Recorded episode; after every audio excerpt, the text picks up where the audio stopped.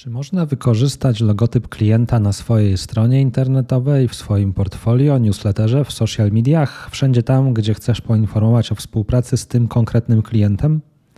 Ja nazywam się Wojciech Wawrzak, jestem radcą prawnym i w tym krótkim odcinku postaram się odpowiedzieć na postawione przed chwilą pytanie.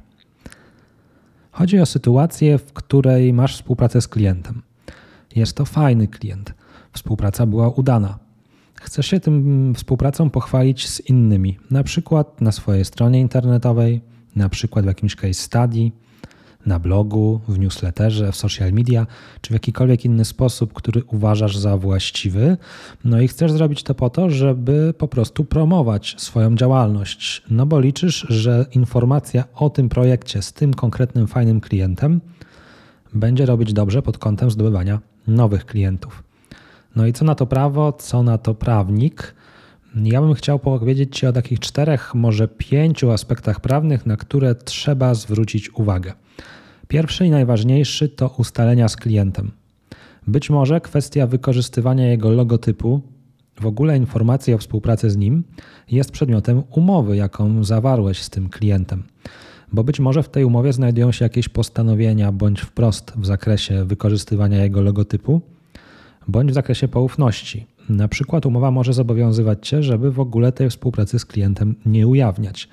Niektórym klientom może zależeć, żeby ta współpraca z Tobą nie była pokazywana na zewnątrz.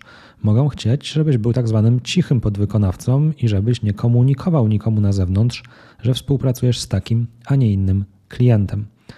Jeżeli takich postanowień nie ma, jeżeli nie jesteś w umowie zobowiązany do zachowania w poufności informacji o współpracy z klientem, to też jeszcze nie oznacza, że możesz dowolnie jego logotyp wykorzystywać, bo być może wprost w umowie jest zawarte, że nie możesz tego robić. Zatem najpierw zacznij od analizy umowy. I tutaj ostrzegam, że to niekoniecznie musi być e, jakieś zamówienie czy konkretna szczegółowa umowa. Może się okazać tak, że na przykład z jakimś swoim klientem masz jakąś ogólną warunkową, jakieś ogólne warunki umowy, jakieś ogólne warunki współpracy i na podstawie tych ogólnych warunków współpracy zawierane są umowy szczegółowe. W takiej sytuacji sprawdź, co te ogólne warunki współpracy mówią. Bo może się okazać, że o ile ta umowa szczegółowa, to zamówienie indywidualne milczy na temat wykorzystywania logotypu czy informowania o współpracy z danym klientem, o tyle ogólne warunki współpracy, do których ta umowa szczegółowa odsyła, już jakieś informacje na ten temat zawierają. Bo często jest tak, że przy stosunkach między przedsiębiorcami, takimi w dłuższej perspektywie, niekoniecznie mamy jedną umowę. Możemy mieć właśnie jedną umowę współpracy, jakieś ogólne warunki umowy, które można porównać na przykład do ogólnych warunków ubezpieczenia, mm, gdy zawierasz umowę ubezpieczeniową, i na podstawie tej ogólnej umowy realizować jakieś pojedyncze zamówienia, zlecenia, zawierając umowy szczegółowe bądź pojedyncze zamówienia. W takiej sytuacji te ogólne warunki umowy mogą rzutować na to, co ci wolno w ramach również tych poszczególnych umów cząstkowych. Także zawsze zacznij analizę sytuacji od przeczytania dokładnie umów, jakie wiążą cię z klientem. Jeżeli z tych umów nic nie możesz się dowiedzieć, bo one ani nie potwierdzają Twojego prawa do wykorzystania logotypu, ani tego wprost nie zabraniają, no to trzeba się zastanowić, czy są jakieś inne przepisy, w które możesz wpaść. Czyli jeżeli nie ma nic w umowie, badamy obszary prawne. No i teraz wykorzystanie logotypu na stronie internetowej może wpaść w coś takiego jak czyn nieuczciwej konkurencji. Tutaj można zastanawiać się nad tym, czy logotyp nie będzie chroniony na podstawie ustawy o zwalczaniu nieuczciwej konkurencji, czy nie można go uznać za tajemnicę przedsiębiorstwa. No tutaj odpowiedź akurat jest dla Ciebie pozytywna, no bo logotyp sam z siebie jest to jakiś materiał, który ma być publicznie dostępny. Więc tutaj nie można powiedzieć, że jest to tajemnica przedsiębiorstwa, bo klient nie podjął żadnych działań, żeby ta informacja o współpracy z Tobą, ten jego logotyp był objęty tajemnicą przedsiębiorstwa. Gdyby w jakichś rozmowach z Tobą, w mailach czy w umowie zawarł wprost postanowienia o tym, że Tobie nie wolno wykorzystywać informacji o tym, że współpracowałeś z tym klientem, to byłaby inna bajka. Ale jeżeli mamy ciszę na ten temat, no to tutaj reżim tajemnicy przedsiębiorstwa do ochrony logotypu nie będzie mógł znaleźć zastosowania. Ale pamiętaj, że logotyp może być utworem, utworem chronionym prawem autorskim. Najprawdopodobniej prawa autorskie przysługują klientowi, z którego logotypu chcesz skorzystać. Rozpowszechnianie logotypu w takiej sytuacji musi mieć jakąś podstawę prawną na gruncie prawa autorskiego. Może być to albo licencja klienta, albo dozwolony użytek. Takie samo zwykłe wykorzystanie logotypu na stronie bez jakiegoś dodatkowego opisu, bez jakiegoś case study może być trudne do uznania, zamieszczące się w dozwolonym użytku, na przykład w ramach cytatu. Dlatego tak naprawdę, jeżeli mówimy o logotypie, który jest utworem, to potrzebna jest jednak zgoda klienta, na przykład licencja. I to też nie musi być tak, że ta licencja udzielana jest tylko tobie w ramach jakichś indywidualnych ustaleń. Często jest tak, że duże firmy mają polityki licencyjne, czyli na przykład wchodzisz na stronę internetową swojego klienta i widzisz tam jakąś politykę licencyjną dotyczącą korzystania z jego logotypu. Jeżeli tak, to tej polityki licencyjnej powinieneś się trzymać. Jeżeli nie ma ani polityki licencyjnej, ani nie wiesz, czy możesz tego logotypu wykorzystywać, no to wykorzystanie go bez zgody, bez licencji może narazić cię na zarzut naruszenia praw autorskich. Ale tutaj od razu trzeba sobie też powiedzieć uczciwie, że czym innym jest naruszenie praw autorskich, a czym innym skutki tego naruszenia. No bo możesz naruszyć wprawdzie autorskie prawa majątkowe, publikując logotyp bez zgody, ale trzeba się zastanowić, co w takiej sytuacji może zrobić klient. W takiej sytuacji klient na pewno może zażądać od Ciebie usunięcia tego logotypu, ewentualnie złożenia jakiegoś oświadczenia, na przykład przeproszenia go publicznie, że wykorzystałeś ten logotyp bez jego zgody. To są takie dwa pierwsze podstawowe roszczenia ochronne wynikające z prawa autorskiego, z których może skorzystać klient, którego logotyp wykorzystałeś bez zgody. Jeżeli chodzi natomiast o jakieś roszczenia pieniężne, to czysto teoretycznie są one możliwe, bo na przykład gdyby klient miał taką, taki model działania, że za udzielenie licencji na korzystanie z jego logotypu pobiera jakieś opłaty licencyjne, to jeżeli ty obszedłeś ten wymóg i nie uzyskałeś takiej licencji, nie wniosłeś opłaty, to mógłby domagać się od ciebie dwukrotności takiej opłaty licencyjnej. Natomiast jeżeli nie ma takiej praktyki, nie jest w stanie wykazać takiej opłaty licencyjnej w przeszłości pobieranej, no to może dochodzić odszkodowania na zasadach ogólnych, ale musi wykazać szkodę, no jakiś związek przyczynowy pomiędzy wykorzystaniem tego logotypu na Twojej stronie, w Twoich kanałach, a szkodą przez niego poniesioną. To wydaje się trudne, no bo jaką szkodę miałby ponieść Twój klient tylko dlatego, że jego logotyp znalazł się w sekcji moi klienci na Twojej stronie. Mm, także osobiście uważam, że z punktu widzenia prawa autorskiego, owszem, naruszysz prawa autorskie majątkowe do logotypu, jeżeli opublikujesz go na swojej stronie bez zgody klienta, ale jeżeli chodzi o skutki, to one praktycznie będą mniej dotkliwe, no bo albo usuniesz ten logotyp, albo po prostu przeprosisz klienta za to, że tak haniebnie e, postąpiłeś. Natomiast roszczenia finansowe raczej ciężko sobie wyobrazić, choć teoretycznie oczywiście są możliwe. No i nie zrozum mnie źle, nie zachęcam Cię tutaj oczywiście do tego, żeby rozpowszechniać cudze logotypy bez zgody, licząc na to, że nic złego finansowo się nie przydarzy. Natomiast tak praktycznie biznesowo pokazuje ci, że sporo przedsiębiorców działa w ten sposób, że nie uzyskuje takiej zgody, a jednak rozpowszechnia ten logotyp i po prostu, jeżeli zgłosi się do nich niezadowolona osoba, usuwa ten logotyp, przeprasza Mm, i w ten sposób postępuje, żeby rzeczywiście z tego logotypu korzystać. Ma to swoje uzasadnienie praktyczne takie, że po prostu nie uzyskujesz kolejnych formalnych zgód. Na przykład w umowie, którą przesyłasz klientowi, nie zawierasz postanowień, że on udziela licencji na korzystanie ze swojego logotypu bo takie postanowienia często budzą niepokój. Może być tak, że przez miesiąc będziesz z klientem negocjował umowę tylko dlatego, że znalazło się w niej postanowienie o możliwości korzystania z logotypu. Dlatego niektórzy przedsiębiorcy decydują się nie wtłaczać takich postanowień do umowy, mimo że byłoby to dla nich korzystne, bo mieliby wprost zgodę na korzystanie z logotypu. Przemilczają ten temat i dopiero na etapie ewentualnych problemów usuwają ten logotyp ze swojej strony.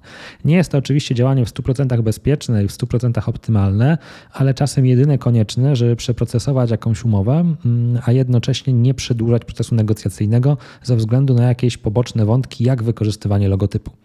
Ale jeżeli wiesz, że na tym logotypie zależy Ci szczególnie, jeżeli jesteś taką osobą, która ceni sobie spokój, bezpieczeństwo i komfort, no to fajnie takie postanowienie o możliwości wykorzystywania logotypu mm, w swojej umowie zawrzeć, bo będziesz miał wtedy jasno, czarno na białym, że możesz to zrobić.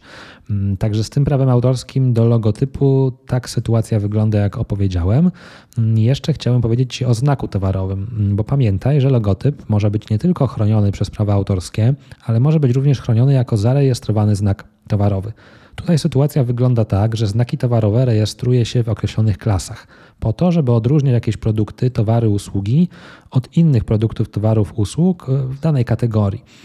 No więc jeżeli ty wykorzystujesz znak towarowy klienta mm, swoje, na swojej stronie internetowej, informując, że współpracowałeś z nim, to tak naprawdę nie wykorzystujesz tego znaku towarowego w jego takiej funkcji podstawowej.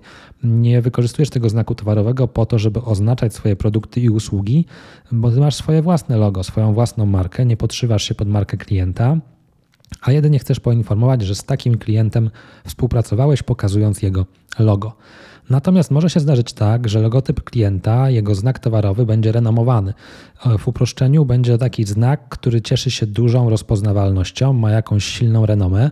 Wtedy klient może twierdzić, że wprawdzie nie wykorzystujesz tego znaku towarowego w jego podstawowej funkcji, jaką jest odróżnianie towarów, ale bezprawnie pasożytujesz na renomie klienta, rozwadniasz ten znak towarowy.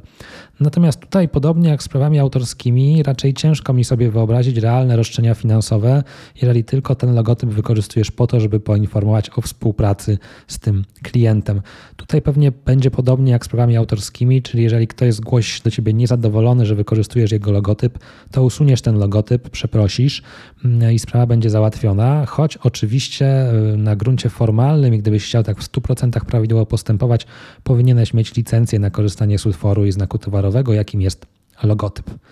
No i jeszcze jedna kwestia, która czasem się pojawia, ale akurat w przypadku korzystania z logotypu, tak po prostu na stronie z takimi klientami współpracowałem niekoniecznie, niemniej wspominam, to jest kwestia dóbr osobistych. Dobra osobiste kojarzą nam się z ludźmi. Każdy z nas ma poczucie godności, jakieś swoje dobre imię, ale dobra osobiste mają również marki.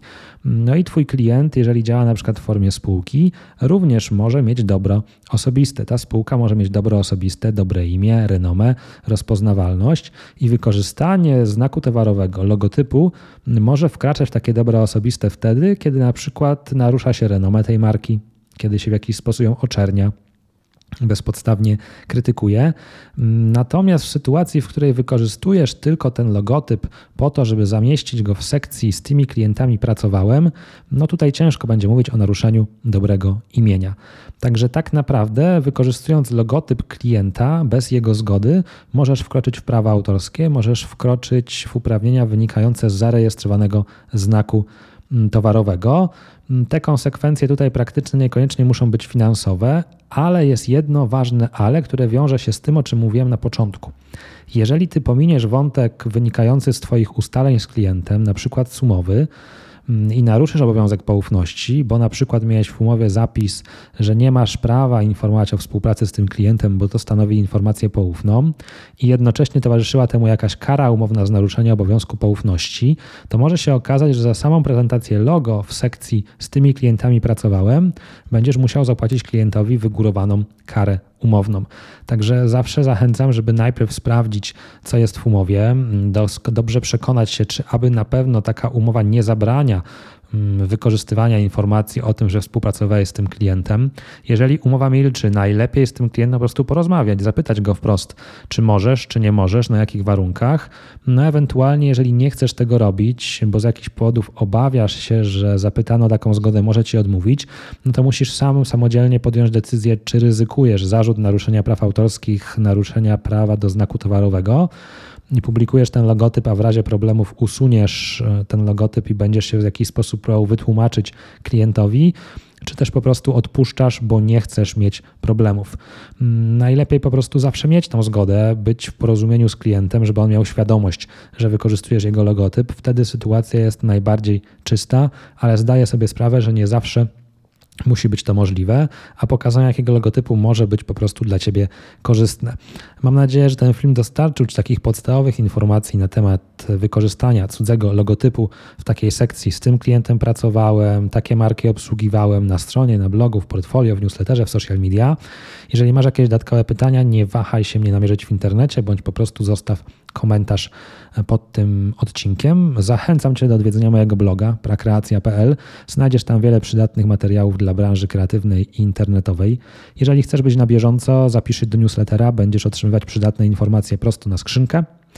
Jeżeli ten odcinek oglądasz na YouTubie, zostaw łapkę w górę, zasubskrybuj kanał, a jeżeli na Spotify lub w innej aplikacji podcastowej, będę wdzięczny za opinię, wystawienie liczby gwiazdek. To będzie bardzo miłe i z drugiej strony pomoże mi dotrzeć do szerszego grona odbiorców. To wszystko na dzisiaj. Dziękuję za uwagę. Do usłyszenia, do zobaczenia. Trzymaj się ciepło. Cześć.